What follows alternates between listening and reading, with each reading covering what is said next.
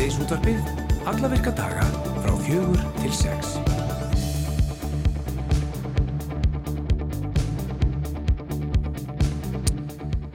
Já, þá er síðdeis útvarpið að fara í loftið þannan þriði daginn 11. júli. Já, það er ekki um að villast, við ætlum að vera hérna með ykkur um milli 4 og 6. Ég heiti Júlia Margreit Einarstóttir. Og ég heiti Jón Alfred Kristinsson og við sitjum hér í Studio 2 og leysum af áhöfnina á síðdeis útvarpinu sem að nýtu nú vonandi veðublíðina einhver staðar á landinu. En það er nú engin lokkmálla þó hún sé úti, þá er engin uh, lokkmálla hérna á landinu. Nei, og það verður hérna, sko, það verður kannski svona, verður svolítið mikið um hérna lítinn hrút hérna hjá okkur í dag sem er endur ekkert svo lítill lengur, verðist mann vera, vegna að það er náttúrulega eldgós eins og við, já, tilgjendum við bytni útsendingu einnig þættinum í gær og við ætlum að vera svolítið svona að skoða það og, og fjalla um það. Já, akkurat og við vorum að fá fréttir að því bara að það ekki rétt í þessu að það er að fara að opna inn á góðsvæðið og, og svo ætlum við nú að heyri honum bytni e, Steinbeck hérna eftir.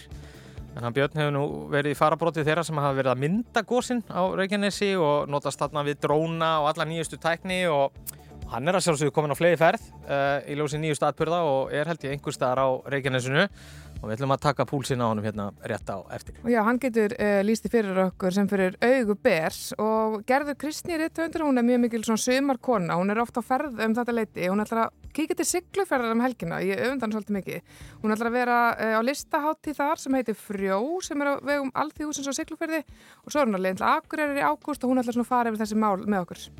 Akkurat, og svo er að hlaðvarpið þarf alltaf að vera grín. Uh, það hefur notið mikill að vinsalda í íslensku hlaðvarpsinnunni á undanföndum missurum. Nú þrjegi sem að stendur á baki hlaðvarpinu, það hefur staðið fyrir svona lifandi upptökum eða, eða síningum þar sem að þau taka upp þætti og þeirra stærsta síning verður haldi núna í tilöfna 5 ára amalegi hlaðvarpsins þann 27. ágúst í Eldborg í Hörpu og haldið ykkur því að öll sætin 1600 seldust upp á 40 mínútum. Já. Við ætlum að fá þá Ingól Gretarsson og Tryggva Frey Torfason úr þessu hlaðarpsriðiki til okkar uh, núna eftir klukkan 5. Já, sko, Sænfeld tók svona, tókst ekki svona hérna að selja upp uppistanda á sínum tíma á Íslandi, þannig að mér þetta alveg freka mikið afreg. Ekkert smá. Uh, en það er í Kóbóin á fymtudaginn klukkan 5 verður leiklæstur og litlum örverkum eftir síðsleitakonunni Melgorku Gunnborg Bræjansdóttur á útisvæði Gerðarsapsins. Þetta er hluti af viðbjörndask á skapandi sömastarfa. Þannig verður hans og Greta og Jésu og fleiri og hún ætlar að kíka til okkar og segja okkur þessu. Akkurat, en við ætlum að byrja á svona máli málana í dag. Uh, það er eldgóðsið og það er nú vantilega nú þegar farið að auka eftirspurn eftir ímiðskonar uh, þjónustu. Uh, ja, til að mynda í ferðarþjónustunni, uh, en á línunni hjá okkur er hann Birgir Ómar Haraldsson, frangandastjóri Norðurflugs. Uh, sæl? Sæl, bæðið tvö. Herðu, ég ætla nú bara að forutna svona hvernig, hvernig svona hefur verið hjá okkur síðasti, síðasti sólarhingurinn svona á að giska eftir að, eftir að, að þetta eldgós hóst? Það hefur nú eh, svona hressilega tekið við eh, hérna, síma símtækinu. Það hefur svona aðeins orðið logandi. Um, en maður finnur samt sko að það er ekki alveg svona skýðlogandi eins og 2021 og 2022 Mm -hmm.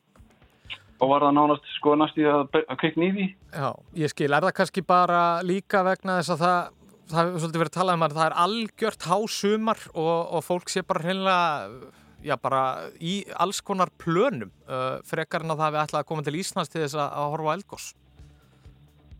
Ég held að það sé alveg klálega ein ástæðan fyrir þessu. Uh, Svo má náttúrulega heldur ekki gleyma því að landin, hann er náttúrulega þegar búin að ferðast eitthvað um landið og, og síðan náttúrulega er þetta orðin svo tíð gós að það er kannski, maður hugsa bara með sér sko, ég, að kemur eitt á næsta ári, ég kíkir bara á þetta þá. Akkurat, þannig að það kannski, uh, það, er, það er ekki jafn svona mikill æsingur í heimafólkinu, ef svo má segja, að hérna komast upp á góðstöðarnar sem allra fyrst eins og var hérna kannski árið 2021. Nei, dálítið langt frá því. Það er orðið miklu meiri róið þessu.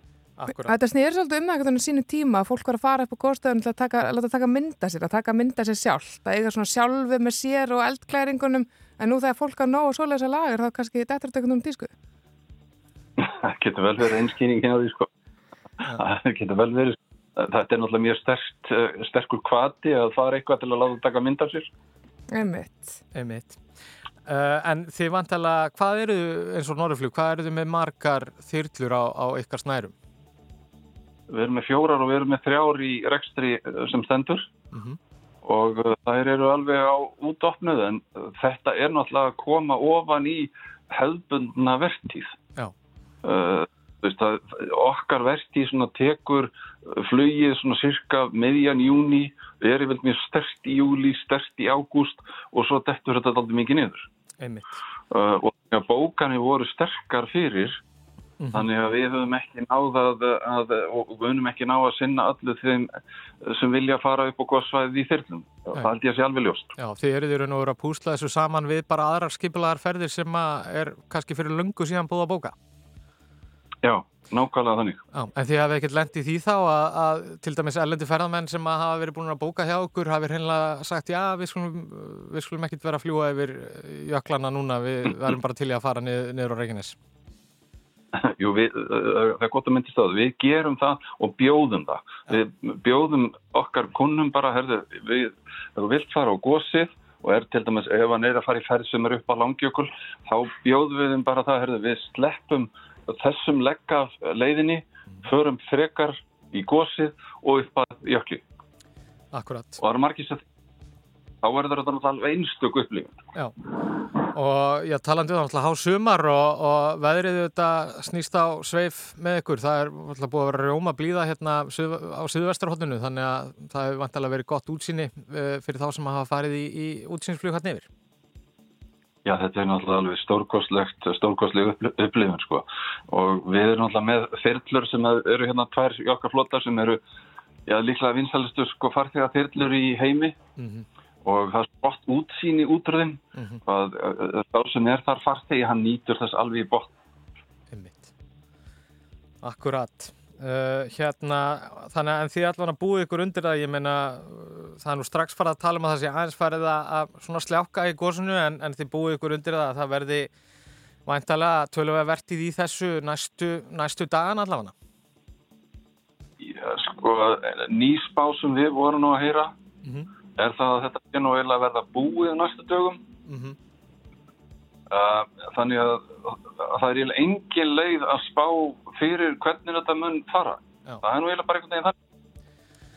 Og hvernig verður það svo, Birgir, þú ferð að teikna upp sumari 2024, allar að svona, mm, já, allar, allar að hafa þyrlurnar alveg á 100% afköstum í, í öðrum ferðum eða allar að gera ráð fyrir því að, að, að það eigi eitthvað eftir að bresta á? Sjálfsögðu gerum við náttúrulega bara ráð fyrir því að þetta kom bara aftur á næsta sumri og þá verðum við hérna með tvær auka þyrlur sem við setjum bara í góðslug. Já. Er þetta ekki svoleiðis eitthvað? Jú, allir það ekki, við, allir við búum okkur ekki undir það að, hérna, að þetta verði bara árið sviðböru. Hefur allan að verið það síðustu, síðustu hvað? Já, þetta er þriðja, þriðja árið í röð. þetta er þriðja ári í röð. Já. Akkurat. Já, við, sjá, við sjáum hvað setur en hérna bara góða kveður til, til ykkar og, og gaman, að, gaman að heyra í þér uh, Birgir Ómar Haraldsson, frangvandastjóri Norðurflugs. Uh, gangi ykkur vel í, í, í útsýnsflugunum framöndan. Takk fyrir sem er leiðis. Takk. Takk. Æ. Já, þetta var hann uh, Birgir Ómar.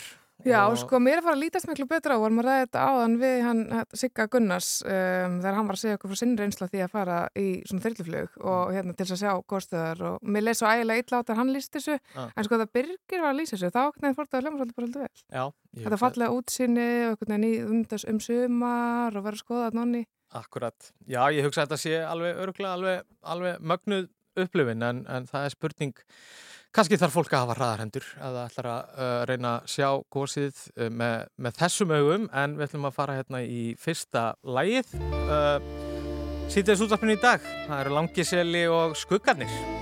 Kvispam búm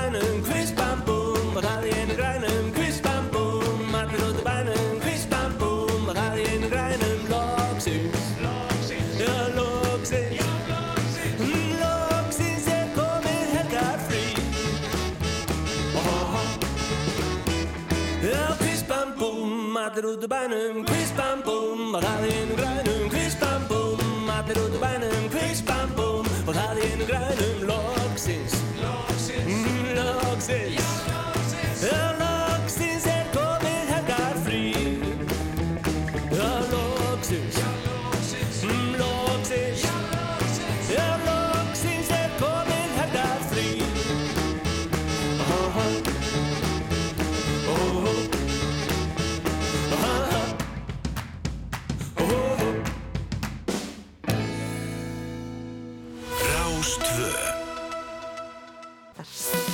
Þetta er Rástvö Fyrst og fremst með þér Já, þeir eru að hlusta á eru að hlusta hér á síðdeis útarpið. Uh, við sitjum hérna, ég, Jóhann Alfreð og Júlía Margret. ætlum að vera með ykkur til klukkar 6 í dag. Og það kannski komið að veðrinu. Já, sko, ætli Íslandingar spáa meira í veðri heldur en svona aðrir þauður allir hérna. Já, held ég að hljóti nú að vera. Ég allavega hérna er vakin og sofin yfir því yfirleitt, sko. Já, ég Uh, veit þetta náttúrulega um þig, sko, hérna, Já. þú ert alveg sérstaklega áhersamur Já. um, og við erum það náttúrulega, margir eru það á sömurinn og sérstaklega, okkur finnst þú ofta vera svolítið svikin þegar sömari kemur, maður er einhvern veginn að gera ráð fyrir því að núna, hérna, sé það bara solbað og, og hérna, og brunkólía og, og flott heit en, hérna, en þetta fer á svo mikið svona, er- verður einhvern veginn stundur svolítið svona rígur á milli landsluta, það verðist einhvern veginn sem góða veðrið vilja bara vera einum stað að landinni einu. Um, en ég get sagt þér að í dag þá er nú bara blíð viðri víða um land. Það er blíða hérna allavega, mm, já það er blíða núna fyrir vestan, fyrir norðan, um, hérna höfuborgarsvæðinu líka hana, en það er svona aðeins væta fyrir austan akkurat núna en virðist vera bara svona, já, bara svona temmilega mildt veður samt allstaðar um, og staðan sko næsta sólarhingin, það er norðlag eða breytilega 8-10 metrar á sekundu, strekkingur með austuströndinni, dáliti væta austaland sem víða bjart annar staðar, hiti yfirleitt 10-19 stiga deginum, hlýjast á Suðurlandi en heldur svalar á morgun, mér er svo gott að geta sagt bara 19 stig, eins og það sé bara eitthvað sem að Já. sé eðlilegt sko. já, akkurat. Eins og það bara gerist. Já, einmitt, einmitt, þegar maður held að erði einhvern veginn væri aldrei sko. Já. En svo er þetta bara svona út vikuna virðist vera, um, já, höfuborgarsvæðinu virðist nú ætla að vera um sól áfram en það verður einhver, einhver væta eh, fyrir vestan allan að það líður á vikuna og það er svona aðeins skýjað viða um land en mildt veður virðist með viðast um, og svo náttúrulega bara þegar maður skoðar hérna, já, heimasegi veðurstofunar að þá er um, vara við, það er grjótrunsætta vegna jarðhæringa á Reykjaneskaga þannig að það er verið að minna göngufólk á sína sérstaklega aðgátt um slóðir um, og svo mælist gasmengun á svæðinu. Þannig að það er að ymsa að hyggja fyrir þau sem eru að hugsa um að nýta sér tækifærið að það sé búið að já, opna á einhverju göngulegði þarna að þessu gósi hérna við litla hrút. Já, það er um að gera að hafa varan á en það, hérna, það er búið að opna fyrir aðgang almennings fyrir eitthvað um klukkutíma síðan rúmlega Já. og örgulega margir sem ætla að nota þetta frábæra blíðviðri sem að er hérna Já, allan að hér á suð, suðvesturhóttninu til þess að fara og ganga upp á gósu en það er að mörgu þrátt fyrir það. Já, þetta er líka löng leið, það finnst að hafa það í huga fyrir þá sem hafa skoðaði mitt fyrir gósa, þetta er, þetta er ansi langt. Já, lengist bara lengist alltaf Já, gangan, ömmit, sko. já, þetta er einhver, einhver refsing fyrir það sem fóru ekki fyrst, sko. Já, allir það ekki, já, ég tek næsta gósi, já, herrið, einmitt, það er Já, það fjóri nei, kilómetrar viðbótt frá og tilbaka. Einmitt, það, það er bara kannski byrjulega að hafa samband við hann Birgi hérna. Já, er, sko, mér, Já, mér var já. lítast ægilega vel á það, sérstaklega eftir sá svo 20 km, það var bara, nei, ég talaði við Birgi, sko. Akkurat, við ætlum að halda reyndar aðeins áfram með gósið hérna rétt á eftir, við ætlum að heyra í manni sem er búin að vera svolítið vakin og svo inn yfir þessum gósum á Reykjanesinu. Er hann Björn Steinbeck sem að, uh, já, myndar þetta allt saman í baku fyrir. Já, hann er alltaf einhvern veginn fyrstur á sveði, sko. nota til þess dróna og er, sko, ég held að fylgjöndur hans á Instagram séu bara nánastónir jafn margir og, íbúatala þjóðarinnar, sko. Já, það svo verðist vera og hún hækkar og hækkar bara með hverju sekundin okkur núna þess að það er alltaf að fylgjast með þessum mögnuðu myndum sem hann er að náða. Akkurat, við ætlum að taka púlsinn á honum, hann er statur einhverstaðar á Reykjanesinu held ég og uh, ætlum svona þess að heyri honum hvernig síðasti sólarhingur er búin að vera uh, en fyrst kannski eitt lag sem að fara hérna í uh, hljómsveitina Incubus þetta er svona gamalt og gott frá þeim Einmitt. uh, Það er gamla tíma. Drive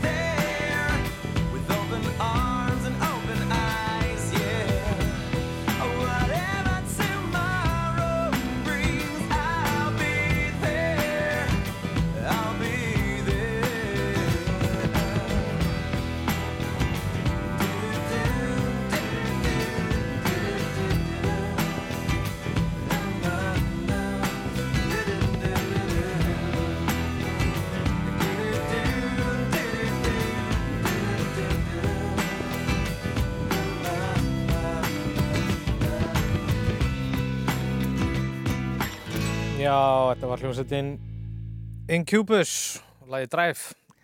Maður fær svona smá mikið- nostalgíu. Já, svona. ég ætla að segja nákvæmlega það. Ég er alveg bara komin hérna aftur í svona svoleiðis sem að, já, nú bara akkur tími til að vera til. Já, nákvæmlega, sérstaklega þegar Incubus var, var undir já, nálunni, já, sko. það var já, hjálpaði mikið, sko. Herði, við vorum að reyna að ná hann Björn Steinbeck, hann eh, var búinn að að sko gefa okkur svona smá hérna, viðvörun um að, um að hann yrði kannski ekki alltaf í fullkonni símasambandi og við hérna uh, þurfum sennilega að reyna aftur á eftir Já, og hann á, hann á eftir að koma í leitnar hérna eftir og, og gefa okkur svona innsýnin í það hvað hva hann er að bralla núna með drónana sína og allan búnaðinn já ég er alveg vissum að við munum ná í, í skottan. Við höldum bara áfram að reyna á eftir en það er annar gestur sem er byrjar að koma sér fyrir hjá okkur. vegna Hún gerður Kristni er mættingað. Hún er bara að ná sér í kaffi og ætlar að tilla sér eftir smástund og við ætlum að spjalla við hana uh, eftir skamastund. Hefur ekki bara taka eitt eh, lag fram að henni uh, Þetta er nú klassík líka. Við ætlum að fara allaveg á áttunda áratíðin uh, Gladys Knight and the Pips og lagið er Midnight Train to Georgia. Hanna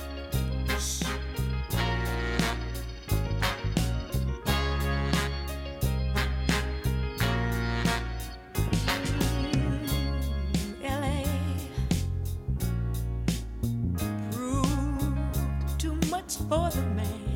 Too much for the man. He couldn't make it. So he's leaving the life mm, he's come to know. Ooh. He said he's going. He said he's going back to find. Going back to find. Ooh, ooh, what's left of his world the world he left behind so long ago.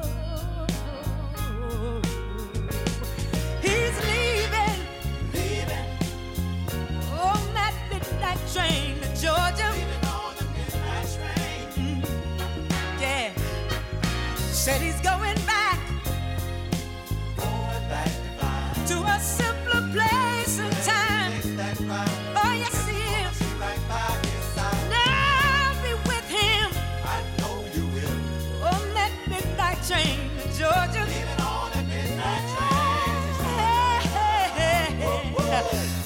train.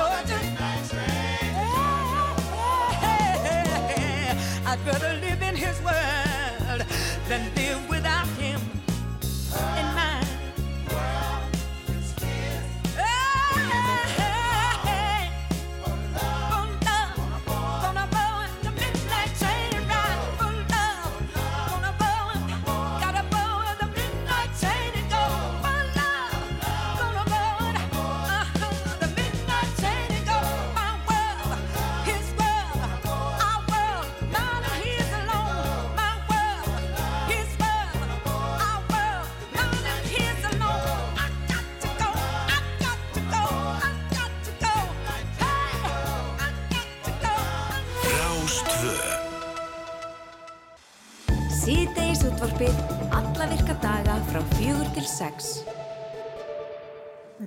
Já, við höldum áfram hérna í síðdeis útvarpinu og hingað inn í hljóðveri, Júlia, er komin uh, góðu gestur. Já, ég lofaði reyndar því að hún myndi sækja sér kaffi sem hún gerði þó ekki en hún er samt sérstaklega hjá okkur, þetta er Gerður Kristni Ritthundur og ég er sko kynnt hana áðaningað inn sem sömarkonu og ég spurði þig Gerður þegar þú settist henni hjá mér hvort þú væri sömarkona.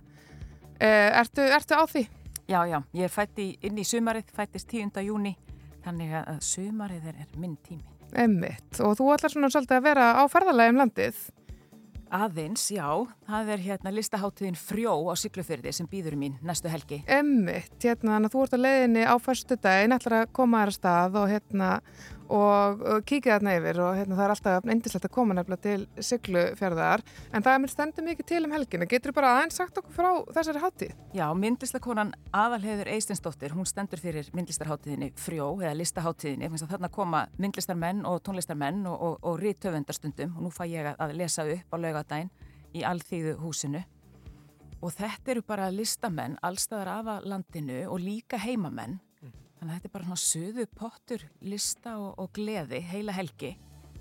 Og svo svo skemmtilegt að það kostar ekkit inn en það er tekið á móti frjálsum framlögum í Alþjóðhúsinu þannig að fólk bara ræður hvort það vil láta eitthvað að hendi rakna Já. en svo bara býð ég spennt hvað mín býður þarna Emmitt, þetta er svona kannski eitthvað svona óvissu ferð að einhver leiti vegna þess að þarna er að en að ægir saman svona, já, ýmsum listgreinum og maður veit eitthvað en aldrei alveg hvað kemur út í. Nei og þetta er um víðan völl sko í, þetta er í kompunni og ljósastöðinni og, og herhúsinu og kjörbúðinni og, og hvað eina Emmitt, og það verða svona, já, ólíkar uppákomur út um allt, en þú ætlar að lesa. Ég ætla að lesa ljóð Er það, Það er já, er það eitthvað, er, er með eitthvað nýtt efni eða hérna, Já, ég hef verið að skrifa eitthvað nýtt á undarförni þannig að nú fæ ég kannski bara að pröfukeira það já, ok, þannig að maður getur fengið smá smakk. Já, ég fæ að aðtuga hvort að, hvort að siglfyrðingar taki vel í þetta eða hvort ég bara sleppa þessu sko.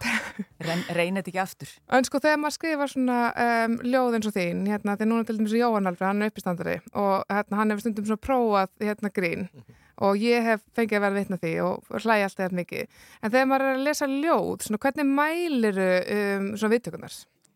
Ég verði eiginlega bara að prófa þetta á sjálfri mér. Það líður mér vel með þetta eða finn ég fyrir einhver svona aularhrollin. Já. Er einhver svona vantar upp á hrinjandina og ég finn alveg bara, neð, þetta er ekki... Ég verði eiginlega að finna þetta á mér. Um, En svo, svo fyndi sko, áhörvendur, áheyrendur eru, eru, öður, eru ólíkir. Og í Bretlandi, þegar maður lesur bljóð, þar hef ég verið og lesið á ennsku, þá heyrir maður oft svona klið í salnum eftir hvert ljóð, alveg saman hvort að ég eða einhver annar, þeir gera svona, mmm, Ó, Bretar gera þetta, þeir svona, maður heyrir svona kumraðins í þeim svona, mmm, um, eins og þeir segja, segja svona, þetta var allt í lægi, þetta var smellið þetta var ágætt, heyrðu, það er eitthvað þarna. Já, Er það, ekki, er það ekki svolítið góð tilfinning? Jú, svo svo gaman að lesa upp í Bretlandi og eins og í Finnlandi, þeir eru alveg með sama húmór, sko, maður getur sagt eitthvað svona skrítið og kvikindislegt eða hlægilegt eða fyndið inn á milli ljóða og þeir náði að maður sé að grínast. Maður þarf ekki að nota hérna loka lína, æ, bara grínast. Já, já. Það er svolítið umt, sko, að þurfa að nota hana, útskýra, ég að reynda bara að gandast hérna. Þannig að þeir náði þessu, sko. Já, og svolítið svo kaltæðinin sem maður finnur fyrir. Ég, mér til dæmis finnst ég alveg oft vera að fyndin þegar ég fyrir Breitlands. Það er alls ekki allstaðar. Nei. Til dæmis hérna, á enn í bandaríkjunum er maður ekkert alltaf fyndin, sko. Alls ekki bara. Maður ætti eiginlega að sleppa því að vera, að, að vera með eitthvað, grín þar. Ömmit, ömmit. En já, verður frólægt að sjá hérna hvort að, já, hvort að einhver sé að fara að umla uh, svona ánægilega eftir, eftir ljóðiðin um, um helgina Já, já. og hérna verður líka frólægt að sjá svona hverju aðrir koma fram og bara um að gera að kíkja á þessa frólæga háttíð. En þú ætlar að fara víðar, ég veit að þú verður til dæmis á Akureyri í, í ágúst, það verður Já. skáldaspjall. Þá verð ég 3. ágúst í Davíðshúsi. Það er alltaf skemmtilegt að lesa upp þar og þegar veðrið er gott þá er hægt að lesa fyrir framann Davíðshús á, á flötinni þar. Ó, það er svo dásalegt. Það er svolítið dásanlegt, já. Svo er bara líka alltaf gaman á Akureyri. Já, það er alltaf líf og fjör. Ég held að ég geti algjörlega tekið undir það og hef alveg bara sjaldan sko á sumrun allan að verða á Akureyri án þess að sé blíða þannig ég alveg bara stend þeirri trú að það verði gott veður þarna á okkur og það er búið rosa mikið um að vera með í Davíshúsi allavega þetta sumarið. Já, þeir, já, og já, fyrir sumar líka, eh, bara í fyrra og hitti fyrra, veit ég til, vegna þess að þeir, það er svona lítil íbúð, hann, hann Davíð, hann var með svona vinnukona íbúð. Mhm. Það var alltaf þannig í gamla dag, svona kallar eitthvað yrkja, svo bara eitthvað gáttir haft svona vinnukonur eitthvað að stjana við sig, sko. En nú er vinnukona íbúðina staðis fyrir rítuðunda. Þannig að það er hægt að leia hana eða fá að búa þarna. Já, já, sem er þá sem sagt, undir í, Húsinu, sko. Já, húsinu hans, já, Já. já, akkurat Og þarna bara þegar einhver, einhver er þarna yfir hásumari þá sjanghæja akureyringar mann í, mann í upplestu sko. Það er engin miskun. Nei, nei, Það nei. er barinn upp úr kjallaríbúðinni. Þú getur ekki farið huldu höfði, sko. Nei, þeir við dammir hana. þá er bara verið að byggja mannum að lesa upp og auðvitað bara gerum að það. Já. Þarna hefur alltaf verið alveg óskaplega gaman. En er ykkur vinnukonu andi sem að maður finnur fyrir þarna? Æ, það er alls þau verið að ræða mig með einhverjum draug. Já, ég hef nefnilega heyrt einhver, einhver slíka sögur, sko. Það er náttúrulega svolítið sérstætt að koma þarna því að sko eins og, eins og í, í sem sagt, íbú, og íbúðuna stafís að það er náttúrulega bara, það, það er allt óbreytt. Já. eða bara frá því að, að hann hvar á braut sko. Já, manni finnst það alveg Gleraugun mikil hans andi, eru þarna bara á borðinu og þetta er svona þetta er svolítið sérstætt að koma þarna sko. Ég fengi að vera í þessari íbúð yfir hávetur en þegar ég hef verið veðurteft þá hef ég verið svolítið heppin tvisar að það var engin aðna og ég fekk að vera þarna bara eina nótt og þá var búið að segja mér einhverjum draugi og ég er svo myrkrætt maður, myrkfælin þannig að ég, þetta fór illa í mig. Ég svaf óða lítið. Já, bara allt upp ljóma. Já, mér fannst þetta ekki þægilegt. Nei, mitt. Hérna, vera, uh, þú kannski segir okkur frá því ef að þú, ef þú mætur honum. Ef ég mæti þetta, ég veit ekki eins og hvaða draugur þetta er, Davíð eða einhver annar. Nei, veit það mitt, þú kannski spyrði hann og hérna upplýsir okkur um þetta uh, næsta veitu umst. Æ, það er svo gaman ef maður væri svona eh, skáld á gamla skólanum, þeir ofta vera eitthvað svona vitur og, og sjá fram í, í- fram í tíman og svona og ég hef bara aldrei verið þannig, ég myndi aldrei geta talað eitthvað við drau, ég held ég ekki eftir að sjá hann sko, þetta bara fylgir ekki mér og mínu starfi sko. Nei. Og fyrir bóðar eldgost, það er líka eitthvað sem maður hefði kannski átt að átta sig á þótt maður væri ekki jarðskjáltafræðingur. Já, akkurat. Já, ég var ekki að reyna svona að spá í stöðun og svo var ég að keira eftir sundlega veginum í gær. Var að koma úr sundi og þá á gangstéttinni við hliðina á mér, bara meðfram bílnum, er svona fimm ára stelpa hlaupa á gangstéttinni í sundból. Hún er með lopahúfu og vassbissu, hleypu svona flegi ferð til gangstéttinni Ok. og ég hugsa, hvað er þetta? Hvað er að gerast þessu hverju? Hvað, hvað er þetta? Nú veit ég, sjáum maður svona krakka hlaupandi með lopahúfu í sundfötum með vassbissu, fyrirbóði eldgoss. Sko, vá, þetta er eitthvað, þetta er eitthvað bíómynd. Hérna, og svo fjölgar þessum krakkum og þau eru öll með vassbissur og lopahúi hérna, hérna, í sundbólunum og þá veistu að það er eitthvað hamfarir. Það eru hamfærir á leiðinni, sko. ég, hérna, ég bara, ég hveti, kæru Kristín, til að taka hérna, þessa, þessa sín eitthvað lengra í þínu skaldskap. þetta er allavega pæling. Eða bara leifin að enda hér. Eða leyfin að enda hér, já. Svona útastætti á Rástvö, þegar sem ég er sumarmanneskjan eða sumarkonan. Já, það sem að þú ert, var sumarkonan og ert það, enda um, fættum sumar og það er greinlegt að það er, já, nógum að vera hjá þér á næstunni og þú verður á ferð og flugi, en gaman að þú skildir, ég gefa tíma til að kíka til okkar. Takk fyrir að koma, uh, góða ferð á Hjartans takkir. og við bara hlökkum til að heyra næst og heyra sögur að draugagangi. Og það er náttúrulega að fara yfir í uh, Prince Polo og hyrðina, þetta er lagið Ég er klár.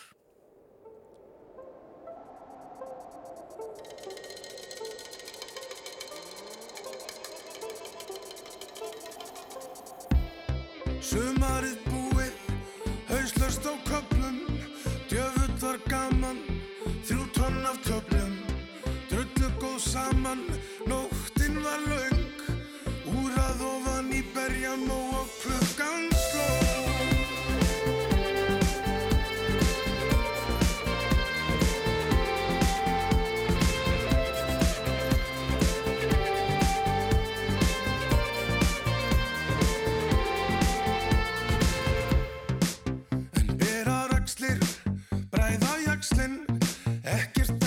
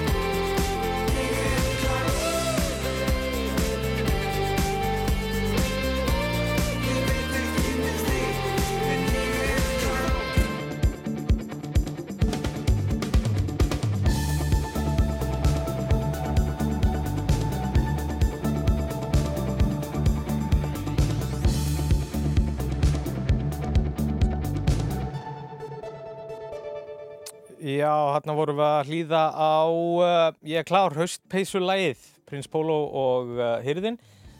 En við erum komin í samband við, uh, já, góða mann, hann er vantilega búin að vera á ferð og flugi síðasta sólhengin. Já. hann er stattur, held ég, einhvers staðar við, já, bara á Suðustandaveginum. Um, já, þetta er hann Björn uh, Steinbeck. Heyrðu í okkur? Já, komið sæl. Herðu, hvað segir þú? Við hérna, við heyrum nú áðan í Frankværtastjóra Norðurflugs, við vorum að svona spurja hann út í það hvernig síðasti sólarhingur hefði verið og ég held að við spurjum nú bara þig að því sama. Uh, við vitum auðvitað að þú er búin að vera mjög yðin við það að mynda uh, þessi eldgós á Reykjaneskaðunum með ýmsum hætti. Hvernig, hvernig er svona síðasti sólarhingur búin að vera hjá þér? Sko þetta reynda byrjaði á 50 daginn síðast þegar við byrjuðum að vakta svæði, ég og mjög skemmtilegur hópur af svona uh, alls konar uh, áhugamönnum um kvikmyndatöku og, og hérna ljósmyndun. Sumir með mikið fylgi á samfélagsmiðlum og sumir ekki og bara við komum okkur fyrir á fjalli þarna nálat og sumir gistum er að segja bara úti í sveppokkum síðustu fjóra-fimm nætur Já. og hérna þannig að við vorum bara tilbúin í gær þannig að hérna, þetta var vorum meira að segja upp á og við vorum 370 metra frá upptökum skjálftan stóra þarna á, hvað var ekki á sunnundarskvöldið? Já, það hefur nú vantarlega skotið einhverjum skelk í bringu eða hvað? Já, þetta er búið að vera mjög áhugaveru tími og rauninni hugsa ég alltaf bara til þess hvað maður eiginlega getur verið bara þakkláttu fyrir að fá að upplifa hann. Þetta er hérna, þetta er stór merkilegt að, að, að fá að vera einhvern veginn inn í þessu og taka þátt í þessu og fylgjast með þessu. En voru þið svolítið uggandi svona þegar sérfræðingar voru að segja að það gæti var orðið þannig að það yrði bara ekkert gos og þau setja þarna á bíðið og starið á alltaf Nei, þetta var bara svo frábæri félagskap og þetta var svo ótrúlega gaman og, hérna, og þetta var eitthvað svo mikið fegur í þessu að okkur bara var í raun og orðið alveg saman hvort það myndi byrja að gjósa ekki og ég er að segja alveg dagsatt sko. Vá. En þið getið náttúrulega ímyndað ykkur gleðina þegar það byrjaði að gjósa þannig að hérna, Já, en, það. þetta er við náttúrulega stjórnum við ekki og við bara byrjum virðingu fyrir náttúrunni og öllum þessum öflum og, og hérna ef þau vilja sína sig þá erum við til og ef ekki þá bara sínum við þúlum að þið sko. Einmitt. Og þú náttúrulega ert búin að vera yðin við það að eh, ég bæði nota dróna og aðra tækni til þess að mynda gósið og, og já, þetta efni það nýtur mikils fylgis á til dæmis samfélagsmiðlunum Instagram uh, og mér, sko okkur Júlíu fannst nú bara að það væri eiginlega dagamunu núna í fylgjendatalningunni, það er bara Já, bara mínútu munn, sko. mínútu munur að fólk streymir Já. að og vill, vill sjá þetta efni vantalega hvaðan að vað úr heiminum. Ég þetta er nú svo skrítið með þessar samskiptan sko. ég átti aldrei að vona og ég segi þannig sem þú við börnum mín ég átti aldrei að vona því að verða sko 50 áhrifavaldur, mér náttúrulega bara freka 50 sko, Nei, en hérna en það gerist nú bara í vetur að þá fór ég að trenda í Asju og þetta er alltaf sko bara á síðustu sko þremu vikum er ég búin að auka fylgjendafjöldunum tæplega 30.000 og fyrir í vetur hækkaði ég hann um 130.000 á einhverjum mánuði. Og virðist bara þetta efni sem að kemur svona að náttúröflunum og einhvern veginn ég kannski næja að fanga þessi eldgórs virðist bara einhvern veginn tengja við fólk og fólk hefur einhvern veginn já, einhvern veginn síkst inn í það sko og ég er náttúrulega bara mjög þakkláttu fyrir það Þú er það bara ekkert- ótrúlega fallegt og skemmtilegt sko Þú er ekkert verið að læra eins og einn TikTok-dans til að taka í kringum velkvæmsið? Nei, veist það, ég hérna leiði öðrum að vera þar ég hérna, ég er já, ég er bara þryggja barna faður úr fórsóðinu sko, þannig að hérna ég, ég hérna læta alveg eiga sig Já. við leifum unga fólkinu að gera það sko Einmitt. En, hvað, hérna, en, en hver- er staðan aður akkurat núna? Þú varst að segja okkur að þú ert á suðurstanda, suðurstandaveginum og, og, og væntalega bara á leiðinni upp að góðstöðum. Það er náttúrulega allt opið núna. Já. Já. Já, ég er að, er að vinna svolítið með hérna, stöðtöð vísi og, og, og tengdu því og við erum að reyna að grípa þetta svolítið svona í byrjun og, og hérna varða fram á nótt í nótt og þetta er hérna lappa í einhverja, ég örgulega tvo tíma, við vorum þetta mjög vel staðsett í gær til að komast að þessu og uh, síðan er maður bara að skoða hvað maður gerir. Ég gerði svolítið að því að vera með beinar útsendinga frá þessu síðast og þar síðast og úr drónum sem er svolítið skemmtilegt svona sjónarhóðn annað en kannski vefmyndaflega þá getum við fært þetta svona nær fólki og við erum að skoða það og, og síðan líka bara að fara og sjá þetta í aksjón sko og vera á stanum og hérna ég var bara að ná ekki að svara ykkur á þann. Ég var að tala með Gunnar Skram hérna yfirlörglu þjón á Suðunisum og hans fólk og, og, og allt þetta viðbras fólk sem leggur alla þess að vinna í þetta er bara, við þurfum líka að hrósa þeim.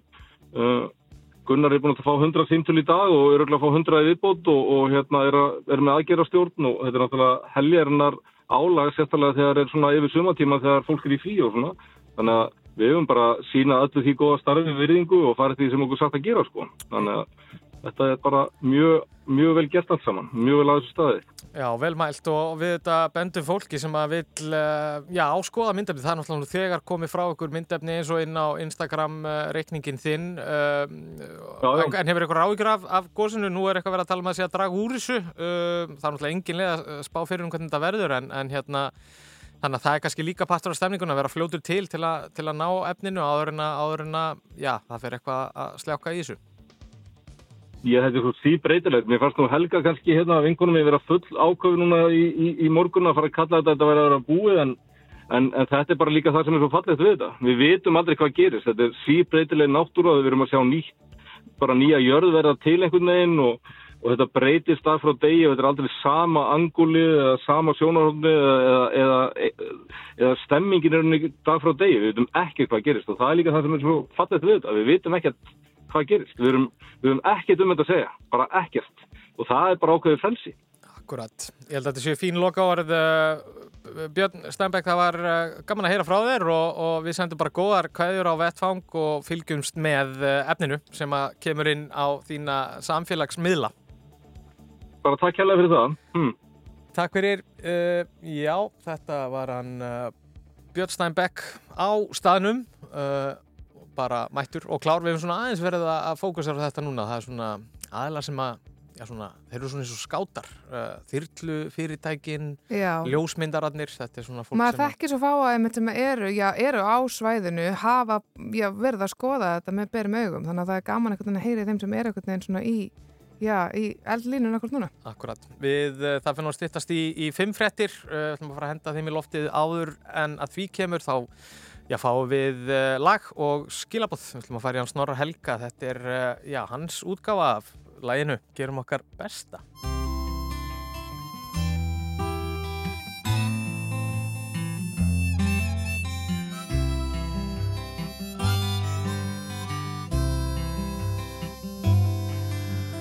Afi gamli sagði stundum sögur. Um sæfara kröppum ólgu sjó Þeir sögðu hver við annan nú liggur lífið við. Að gerum betur að gerum betur. Gerum okkar, gerum okkar, gerum okkar, gerum okkar besta. Og aðeins betur ef það er það sem þarf Já, við gerum okkar, gerum okkar, gerum okkar, gerum okkar besta. Og aðeins betur ef það er það sem þarf. Við látum hendur standa fram úr ermum. Hendur standa fram úr ermum. Látum hendur standa fram úr ermum Og ekkert þras Síðan voru frænkurnar í fyrði Á ferð á milli bæja í miðjum mars. Þá brast á afsa veður Þar gáðust ekki upp Sögðu að gerum betur Að gerum betur, já gerum okkar, gerum okkar, gerum okkar, gerum okkar besta. Og aðeins betur ef það er það sem þarf. Við gerum okkar, gerum okkar, gerum okkar, gerum okkar besta. Og aðeins betur ef það er það sem þarf. Við látum hendur standa fram úr ermum Hendur standa fram úr ermum Látum hendur standa fram úr ermum Og ekkert þras. Býðum ekki hendur með í skauti. Harkan sex er það sem koma skal. Og ef hann blæs á móti Við eigum við því svar bara Að gerum betur og gerum betur gerum okkar, gerum okkar, gerum okkar, gerum okkar besta Rástvö Þú ert að hlusta á síðdeis útvarpið. Á Rástvö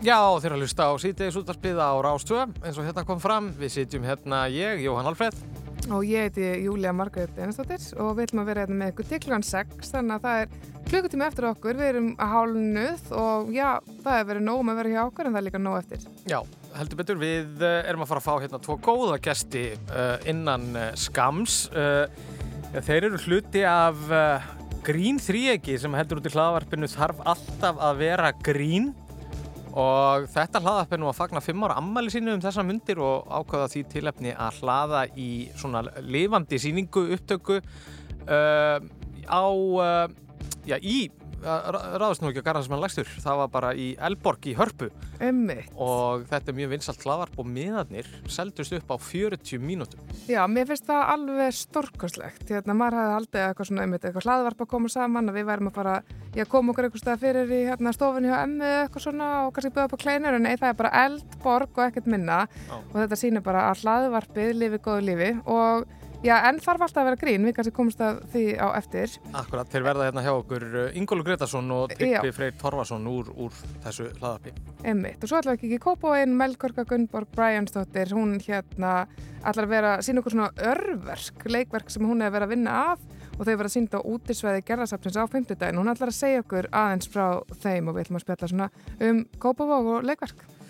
Akkurat, um, en fyrst ætlum við nú að heyra eitt lag, við ætlum að fara yfir í hérna Diljá uh, og þetta er lag, lagið hennar Crazy. Yep.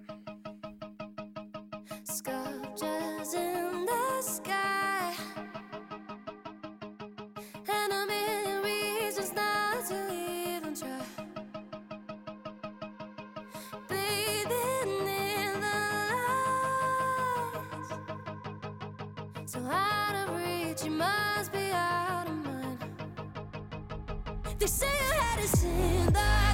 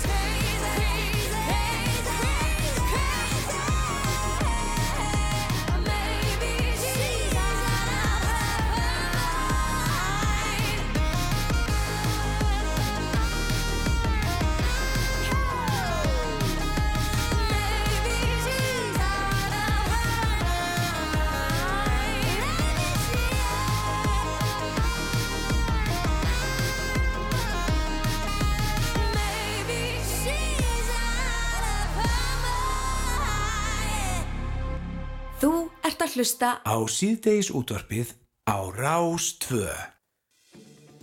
Já, það er að hlusta á síðdeis útvarpið. Við sitjum hérna, ég, Jóhann Alfreð og Júlía Margrett. Og, Sannlega. og við erum komið með alveg ótrúlega frábæra gesti hérna inn í Studio 2. Eh, Þetta eru þeir uh, Ingólfur Gretarsson, stundu kallaði Gói Sportrönd, ekki Yes. satt? og uh, Tryggvi Freyr Torfason. Þeir eru partur af hlaðvarpstríeginu þarf alltaf að vera grín. Uh, og þið strákað, þeir eru að fagna fimm ára ammalinu, já, fimm ára ammali hlaðvarpsins og þessa mundir og, og já, hlaðvarpið þarf alltaf að vera grín svona fyrir þau sem er að hlusta sem ekki þekkja til. Hvað, hérna, hvaða hugmynd var þetta, hvenær kviknaði þetta og hvað, hvað er að gerast í þessu hlaðvarpi? Vá maður Stór spurning Já, við erum að svara öllu í einu. Þarf alltaf að vera grín? I- Ingo, vilt þú byrja það? Já, það er sko, fyrst að það er nei Það er ekkert alltaf sko, ekkert alltaf við uh, grínið sko. En, en ég veist, við, þetta byrjaði bara eitthvað Við vorum bara eitthvað með Þetta byrjar eins og öll podcast Já, sko. og það er bara, við erum að okkur í glas á tjamminu svo er bara eitthvað, þetta ætti að vera podcast maður. Góð Og- pæling. og við erum góð pæling hjá þér maður, við erum að gera podcast. Já. og það er oft verið svona að djóka með þetta Já.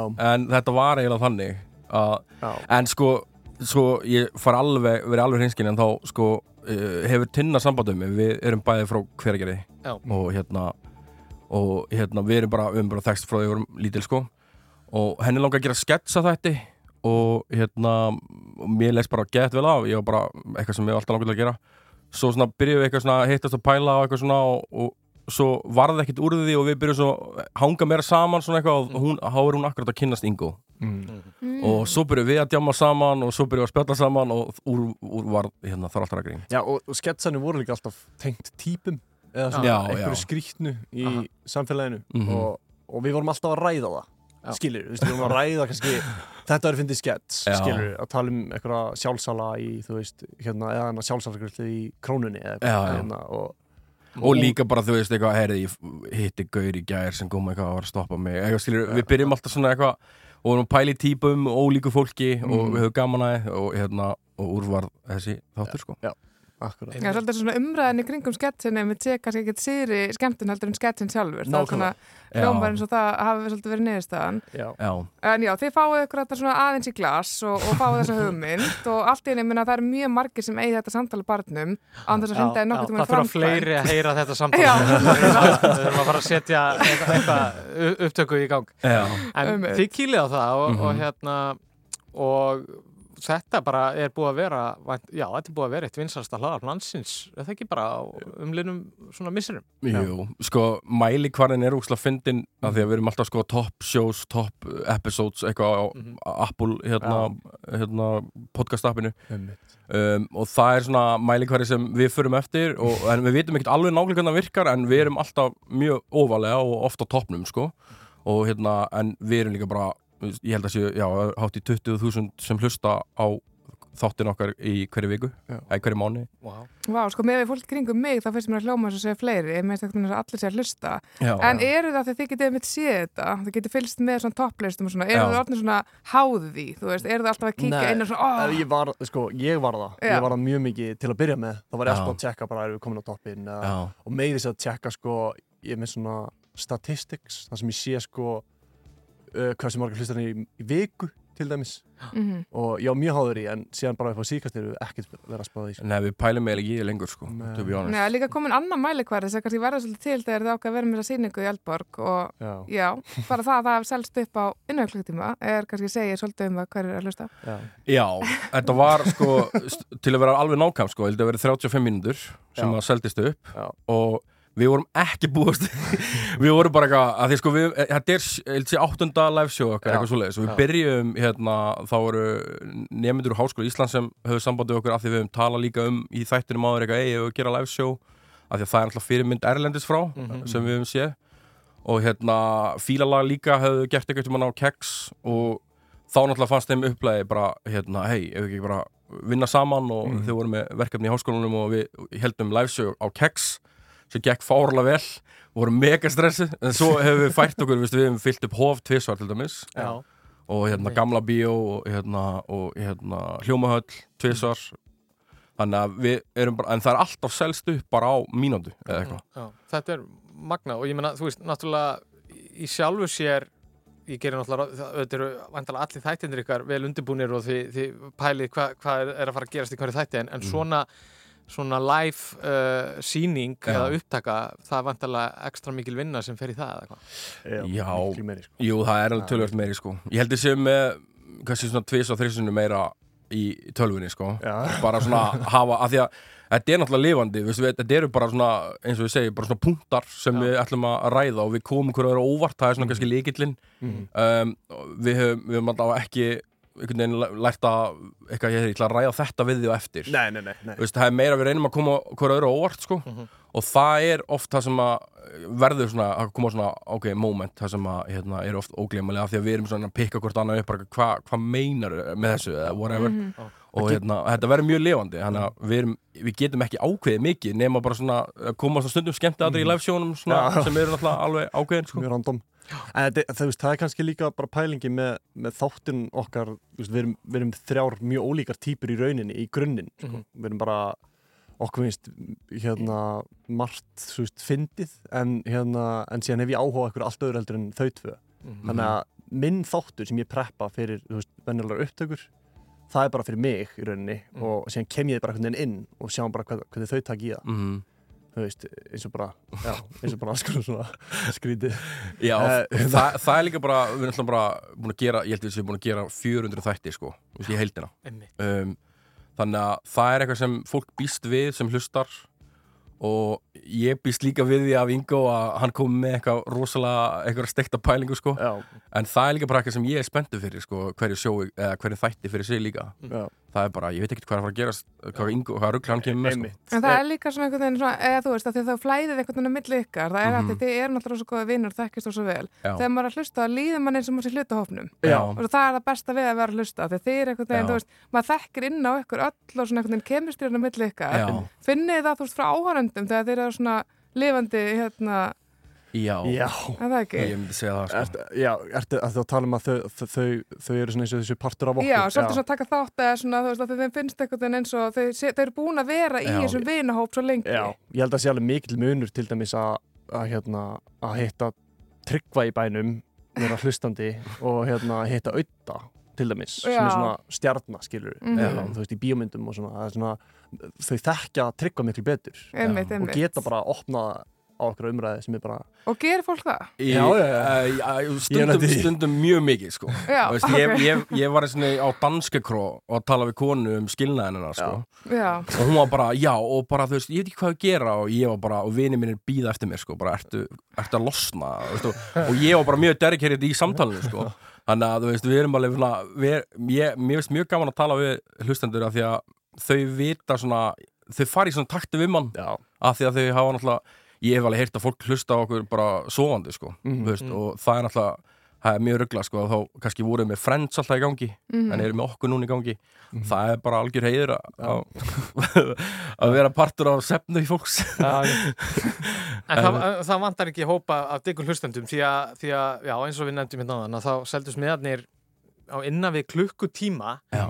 Uh, þannig að þetta verður vantarlega endurteki ég meina hvað með þá sem er að hlusta núna eða er reglulega að hlusta á ykkur og, og Mhm. hugsa bara herði með það nú langað og hérna þú eru búin að missa af þessu eða hvað En það- Já, góð pæling. Já, það, sko- er, það er eitt flóki við þessi live show Já. þau eru um, aldrei eins Já, já, einmitt. þetta er bara Já. Það er ekki hægt að endur taka eins og þú voru að nefna, þetta er ekki bara handrit og svo Nei. er bara Nei. hægt að vera með og við erum með uník umræðefni í hverju liveshowi já, já. þannig þannig að að það er rauninni tvöföld vinna. Að, að skilja það, við erum ekki með lífið reyndislegt lagið sem við erum alltaf bara tekið og allir já, syngja með já. skilur og grænir hlátri en, en, En það kannski gerir þetta einmitt líka svona einstætt og það er kannski það sem Já. að trekki fólk að líka. Já, einmitt. Já, já, og ég veit alveg að það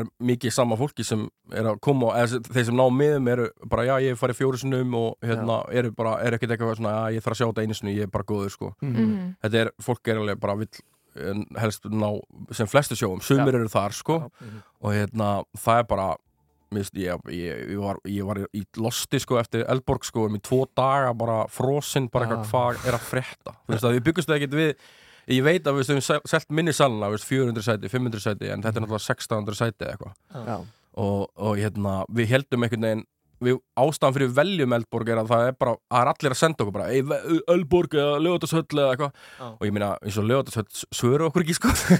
Nei, Háskólabíó. Já, Háskólabíó, hvað er það? Já. sorry, vá. Há- Háskóla- Háskólabíó svarar Afsakið mig, ég er að tala um Háskólabíó. Háskólabíó svöru okkur ekki sko. Og hérna, við vorum bara svona ágæða og fyrir bara tjekka Eldborg eða, og hérna, og þannig að við vorum bara erum að finna einhver stærri venju af því að það er bara það sem fólk vill.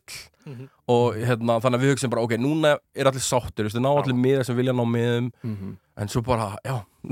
Var ekki alveg svoleiðis, en er ekki algjörlega surrealist að einmitt þetta samtal á barnum þarna fyrir nokkrum árum sé einhvern veginn komið inn, inn í Eldborg? Jú, ég, ég var að hugsa um bara um daginn sko. þú veist, við bara þetta er bara mjög súrt, sko, surrealist Það, það, það hefur ekki verið partur á samtalinu þarna, við skulum byrja með já. podcast vera- Nei, við skulum fara upp á svið í Eldborg og, og eiga þetta samtal þar fyrir fram fólk Það er meira sem verið bara hræðileg brandar á þeim tímanum sko. Það er verið bara, já ok, fyndi. En eh, mér finnst líka bara, ég veit ekki mér finnst þetta svo, þetta er svo ótrúlegt að þetta sé komið þangað að, hérna, að því að sko fólki sem er að koma að horfa á okkur, þau Mm. eru bara við, við höfum aldrei upplegað eins góða áhörendur og sem koma á live showin það eru örfáur, við spurjum mér út í sal bara hver er ekki hlustað, þú veist, það er alltaf einn og einn sko, Mhm. sem er mjög weird af því að við erum alveg mjög mikið með enga húmor og eitthvað þú getur ekki mætt á þetta sem svona bara hrá, bara eitthvað, ég mér langar að sjá þetta og, Já. veist, og við, veist ekki hvað þetta er þá er, er þetta svolítið skrítið, þetta er ekki alveg eins og uppistand sko. Nei, þetta er bara svona fyrir okkar fólk einhvern veginn, þetta er svo steikt uh, hérna, já. En, fyrir, en, en, en, en þeir, sem að, þau, þau sem að mista miðum Já. að þau náttúrulega munu síðan samt geta hlustað á Já, já, já. þau gefið út Já. uh, þáttinn síðan Já, hérna, já. og í mynd og, og, og bara næs sko En- verður En rétt árin að hérna að við sleppum ykkur sko að því að þið eru hérna þetta uh, djúpir í hlaðarsleiknum hvað hlaður plustið þið síðan á þegar að hérna uh, Þetta er góð spurning Þetta er mjög góð spurning uh, ég, ég, sko, ég, ég hlusta á mjög mikið Erlend Já. um, þátt sem heitir H3H3 Mhm. sem er bara mjög vinsælt í bandaríkunum Mhm. En síðan var ég að hlusta á bara, bara þú veist, lífs sögunar uh, þú veist, Já. hérna, bara eitthvað svona basic Já. dæmi um, en ekkert svona ég bara hef ekki tíma í að hlusta á Já, mikið þetta er eiginlega þannig sko, maður hefur ekkert mikið tíma en ég hlusta sko á fótboltapodcast svolítið, Mhm, mhm. ég er mikið þar minnst að úkisla næs að bara einhvern veginn keira og hlusta á það. Um, Ég ætla að gefa eitt gott svona mention hérna, podcast í Jáelskan. Mhm. ég, ég veit að þær hlusta okkur eða allavega önnu þeirra og ég hlusta hjá þeim og mér finnst það geggja podcast sem áli fó mér í aðtökli sko Já. um, og bara mér finnst það er, það er rosa mikið bóði en við erum einmitt ekki í þannig vinnu eða þannig að við getum byrjað að bara hlusta endalist á íslensku podcastin Já. þó maður vil- vildi það sko að það er búið að koma bara endalist bara á þessu fimm ári frá við byrjum Já. bara wow og mér finnst ég væri svo mikið til í betra plattform til þess að finna veist, þetta efni Mhm. Að því að maður kíkir bara á Top Friends og svo getur þú searchað og svo hvað, veist, þú getur fyllt einhverjum á Instagram eða eitthvað. Eða þetta er bara alltaf svona veist, word of mouth veginn svona, veist, það er hérna, eitthvað sem þú heyrir frá einhverjum öðrum sem er að hlusta á podcast og þannig kynnistu podcastum Já, og það er líka, þú veist, ég var að hlusta á podcast sem heitir Vaffa S. Þeir tala ítala um bíómyndir Mhm. en þeir bara voru ekki consistent voru ekki að gefa mikið út þannig að það bara svona hvarf smá. En það var gegja podcast. Það var gegja en það, það er það leiðilega, skiljum Já. við svo mikið að, þú veist, Já, já. Að fá allir svona plattform til þess að gera það sem við erum að gera. Þetta er ótrúlega skemmtilegt uh, bara gaman að fá ykkur Já. og bara til hamingi með hennan ótrúlega ótrúlega árangur. Já. Já, takk. Og bara gangi ykkur sem allra best í Eldborg og við lakum til að fylgjast með bara næstu þáttum og, og næstu svona lifandi síningar sem það verður með. Já, takk fyrir okkur. Og þaðan yfir í uh, Travis. Þetta er lagið þeirra Sing. Nice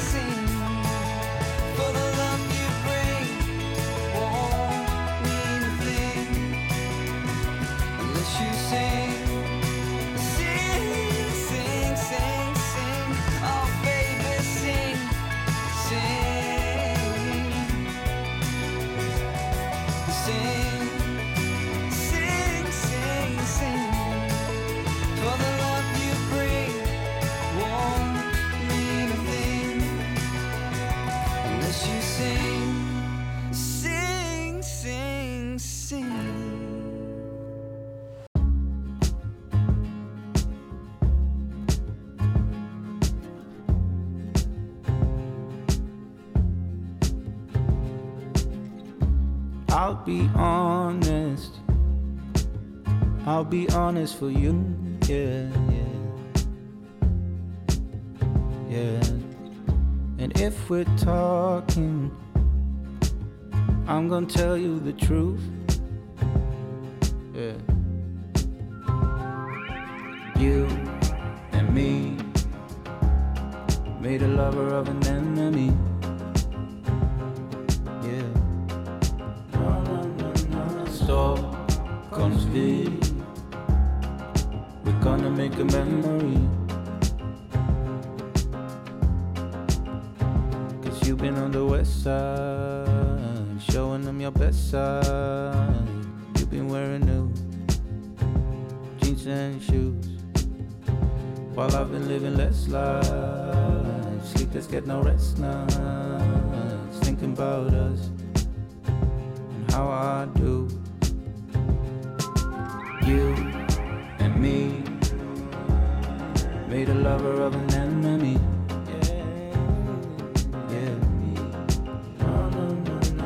Stop, comes V. We're gonna make a memory. Okay. Do you remember when she lied to you? Remember how she almost fooled me too? You could do better, I mean honestly. This is your city, it's your Stockholm's view. Light rain is a veins, diamonds on my face. I don't wanna say I'm not okay. I'm by myself. You and me made a lover of an enemy. Yeah. yeah. Stop, comes V. We're gonna make a memory.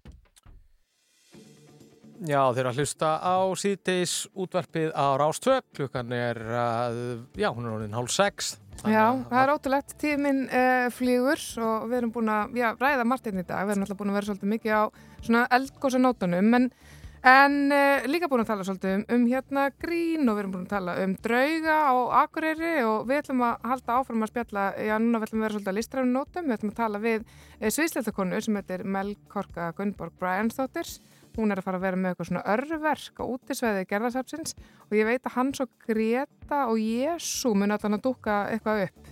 Þetta verður á fymtudaginn, hún ætlar að kíka til okkur og segja okkur hvað sem er það þessu. Akkurat, það bara kemur hérna rétt eftir svona eitt lag eða svo og við ætlum að fara núna í lagið I Need a Dollar, Alú, Alú Black.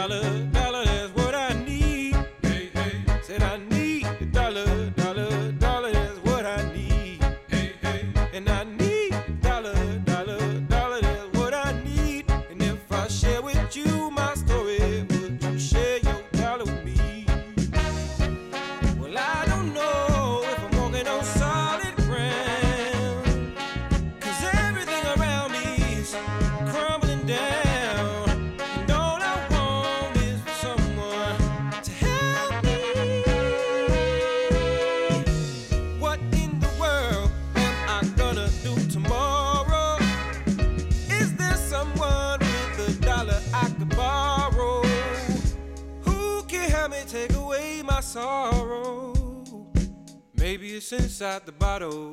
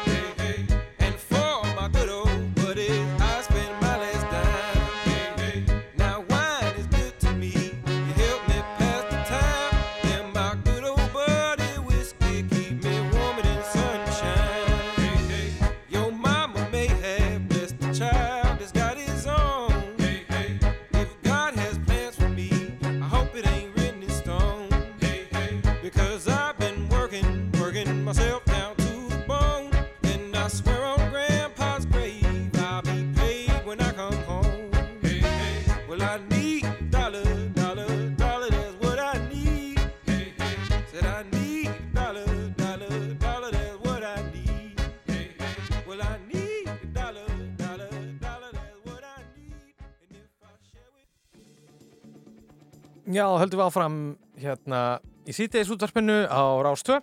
Já, hann þarf eh, dollara þessi, vonandi að honum eh, gangi sem allir best með það.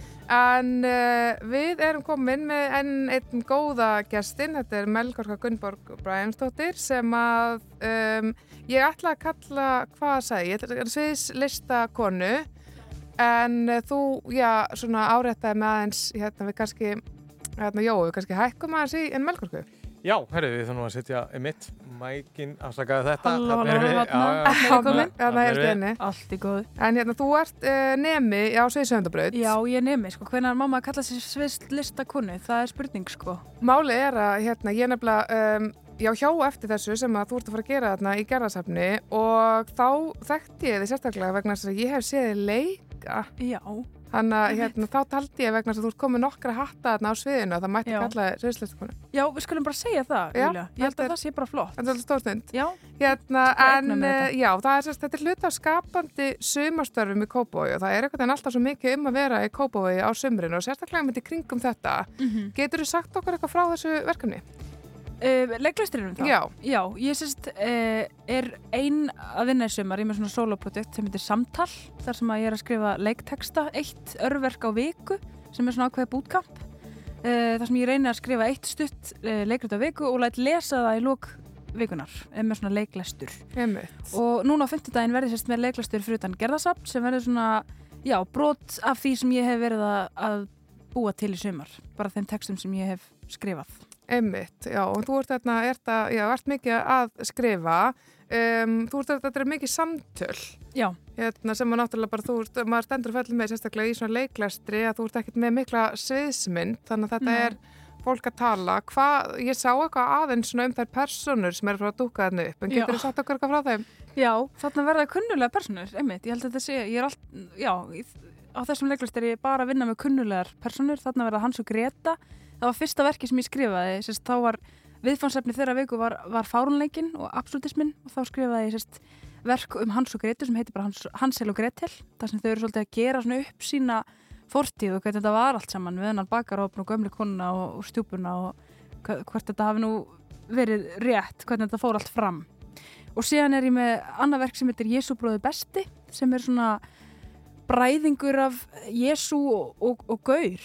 Svolítið svona ef að Jésu veri Gaur í nútímanum Já, einmitt. það er svona, og það er mónologur þannig að það er bara inntal en síðan eru hans, hans og Greta það er, það er dialógur Erum við þá að tala um að þetta sé svona típan kannski sem að maður sér þegar maður er að lappa lögavegin eitthvað slíkt og það er bara eitthvað svona gaur, kannski Já. sem að sem verslar í húrra eða eitthvað bara í hættupessu uh, að það væri Jésu. Já, þannig að en hann samt myndi allt í hennu fara að tala á rosa svona háflegu biblíumáli á þessu svona ótrúlega sérstaka þetta, þetta sérstaka tungumál sem að maður finnur einhvern veginn bara í biblíunni. Og síðan eitthvað svona mjög mikið slangur og, og þar þurfti ég að fá aðstof frá góðum vinnum mínum í mólanum í Kópavogi sem að eru meira með puttana púlsinn menn ég sko. Já, einmitt, þú ert kannski ekki etna, alveg þar í svona, já, kannski svona yngsta uh, slangurinu, ég veit það ekki, þú ert reyndar, ég tölvöld yngri en við Jói, en, uh, en sko, já, mér, mér finnst það svolítið hérna, spennandi hugmynd með mjöna gaur. Ég hef stundu veltið fyrir mér, einmitt, sko, ef að Jésu myndi kíkja til okkur aftur, Mhm. væri ekki ótrúlega heppilegt fyrir hann að geta breytt vatni í vín? Það væri mjög heppilegt. Já, hann getur verið vinsall í, teitum. og hann væri líklega gaur eða þú veist, hann væri svona al, alþýðu maður þú veist, hann væri bara einhvern veginn á getur gláðlega talað inn í þann kultúr sko, þannig Einmitt. með þetta ekkert vera neitt færri lægi að, að hérna að kynna hann svona. Og síðan líka þegar myndist á sko, leikmyndina þá ætlum ég svona fara kannski hálfa leið til þess að svona aðeins færi þetta næri einhverju sviðsetningu. Og það væri gaman að ég hefði hugsað mér að hafa personurnar í búningum og, og ég vil fá vinkurum mína sem er tónlistakona til, til að semja stef. Þannig að þetta verður svona til þess að færa mann einhvern veginn aðeins meira inn í einhvern heim heldur en að leikarar sitja bara við borð með pappir og, og vasklas sem að getur verið svona fyrir þurr uppsetning Já, þannig að þau ætla alveg að klæða þessu upp. En eins og. Hans og Greta, þegar við nú á þau, um, að það er til svo margar útgáfur af þessum síkildu æventýrum og með þau sem að ég kannski allan að ég er allast upp við, þar er þetta bara mjög myrt. Já, þetta er Eh, það náttúrulega. Og það er þessi stjúpa, ég meina hún er, já, hún vill bara þessi börn feig. Já. Og fadurinn ákveður bara að láta það eftir en ég finnst að þá kannski hættur hún að nöldra yfir þessu. Nákvæmlega. Uh, þannig að þú ert svolítið svona í þeirri útgáfu. Þetta kannski æventýri hefur nú kannski ekki breyst eins mikið á mörg önnur. Nei, það finnst við að skilja nefna þetta vegna þess að personurnar eru einmitt, það eru að ræða þessa mismöndi útgáfur. Já. Þetta er sérst svona metagreta og, og Hansel er insel. Þannig að hérna... þau Hann er incel, Hann er insel og, og þetta er svona, nú, þau eru einmitt að diskutera mismöndi útgáfur af sögunni, kvikmynda, aðlaganir og þetta, þú veist, hvað þetta þýði með þessu stjúpu og með gömlu konunar sem vil brenna þau sem opni og hvaða tákn er þarna að verki, sko. Þannig að það er svolítið óljóst í verkinu hvorum heiminum þau tilhera einhvern veginn, sko, raunveruleikanum eða, eða æfintýrinu. Einmitt. Þetta er áhugavert. Metagreta. Yeah. Já. Já, mér varst þetta með incel líka gott, sko, ég er ekki alveg viss um allir hlustendur átt að segja á því hvað er átt við þar, en þetta er einmitt eitthvað svona hluti af svona, uh, já, svona nýra slangri um menn sem að, já, eiga erfitt með að finna sér konfang. Já, svona kenna, kenna konum um það sem að miður fer í þeirra ástalífi, sko. Einmitt, já. Skirlífur gegn vilja sínum. Skiljiði gegn vilja sínum, celibate. Já, þarna er uh, hans komin þangað. Þetta er bara ótrúlega spennandi, en eins og ég segi, ég hef fylgst með þér á sviðinu sem leikonu og hérna, mér þetta er mjög frólægt að sjá líka hérna, hvernig þú ert að fara að útfæra þessar síkildi sögur sem við þekkjum. Mhm. Ég vona innilega að veðri verið gott. Ertu Já. búin að skoða spána? Já, hún á að vera góð, sko. Einmitt. Hún er góð eins og er. Og eru allir velkomnir? Það eru allir velkomnir, bara Mhm. ungir sem aldnir. Ungir sem aldnir, þetta Já. er á fymtudaginn klukkan 5. Klukkan 5, þetta er cirka hálftími, ekki lengra. Þessi tvö verk eru ekki nema 20 myndur í flutningi samtals og þetta er bara, já, öllum opið, ókipis. Einmitt. Fyrir utan gerðarsafn. Alltaf dásalegt að kíkja í kópóin um, og ég bara, við kveitum svo flesta til þess að ge- gera sér ferð og, og kynna sér þessar já, svona nútíma vættu um, síkildi personur aðeins betur. Mhm. Um, Melkorka Gunnborg, takk fyrir að kíkja til okkar. Já, takk fyrir mjög, þetta er áhugavert. Já, þetta er sannlega áhugavert. Já. Og gangið vel með þetta og uh, já, það ætlum við að fara í uh, stutt skilabóð, svo heyrum við meiri tónlist. thank you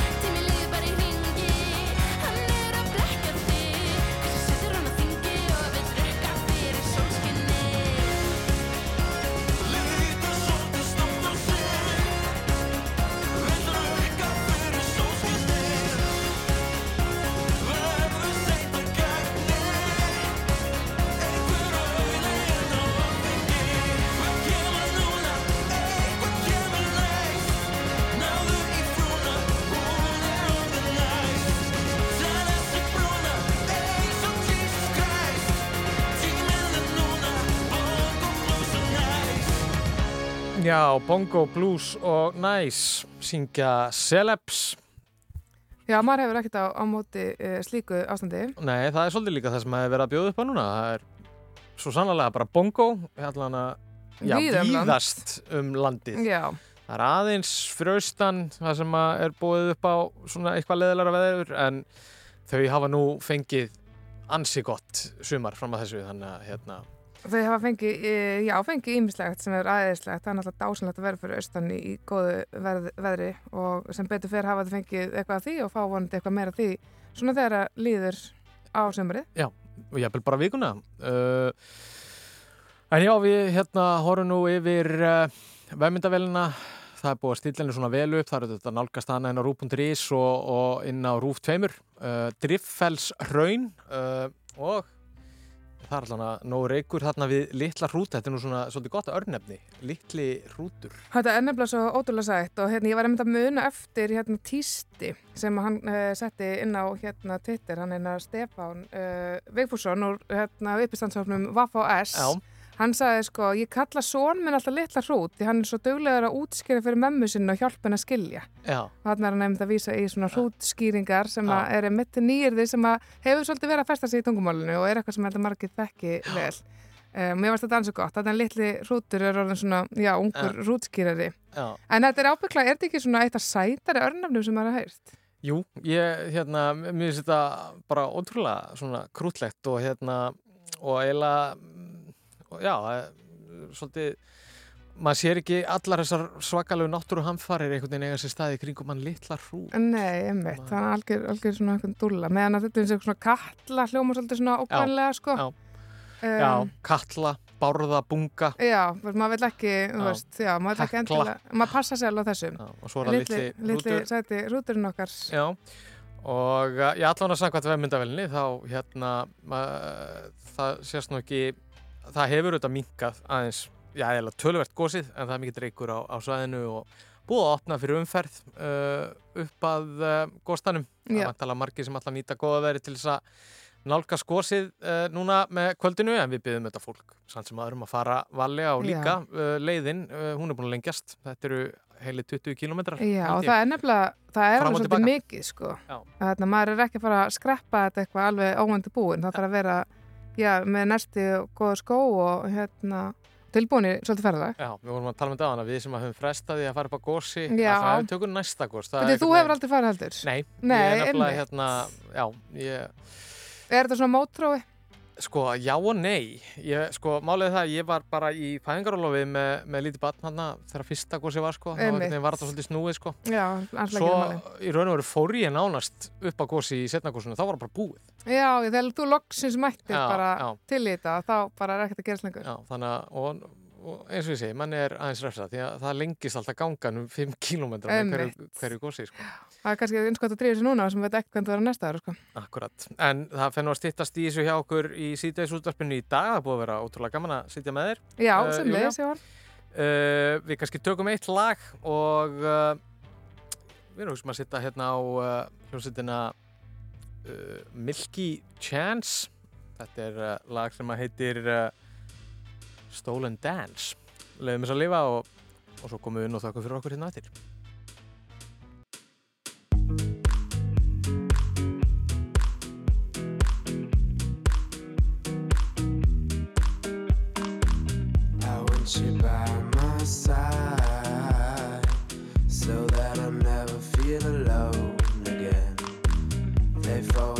So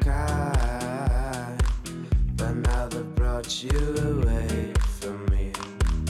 I hope they didn't get your mind. Your heart is too strong anyway. We need to fetch back the time they have stolen from us.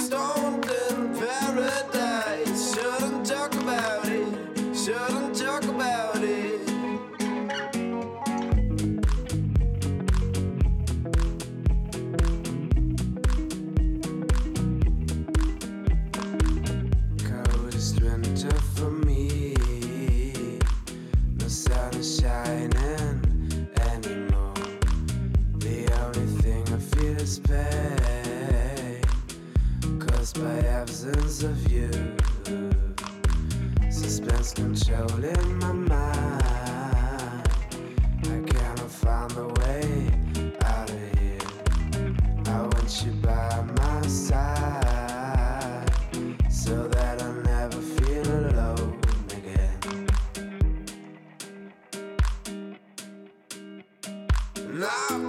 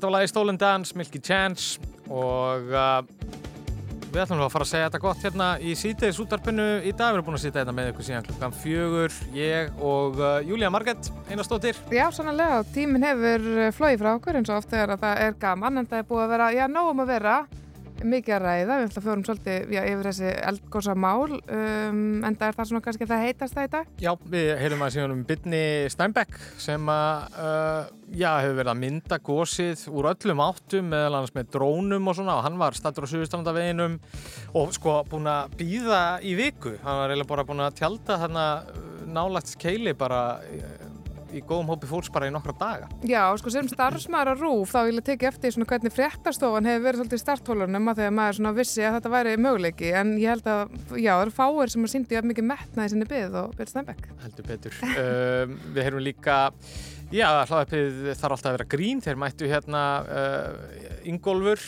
uh, og hann... Uh, Tryggvi, Tryggvi, Freyr, já. já.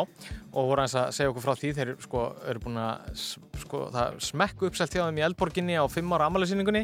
Vorum aðeins að kynna okkur það. Gerðar Kristný kíkti í heimsótt til okkar líka. Já, ummitt hún er að leiðin hérna til Siglufjörðar og við tö- töluðum líka við uh, ungt leikskáld Melkorku Gunnborg Bryansdóttur sem að allar að setja hans og Gretu í svolítið nýja búning uh, og sömulegis frelsaran, Jésu. Þetta gerist alltaf í gerðasefni á fymtæn. Og þetta var allt að gerast líka hjá okkur í með klukkan fjör og sex í dag. Uh, við bara þökkum kella fyrir samfélgina uh, og ætlum að enda þetta á henni Kæli Minók. Já, þetta var óskalag frá mér, ég bara við ekki það og ég ætla að dansa. Setjum þetta í gang. Takk fyrir okkur.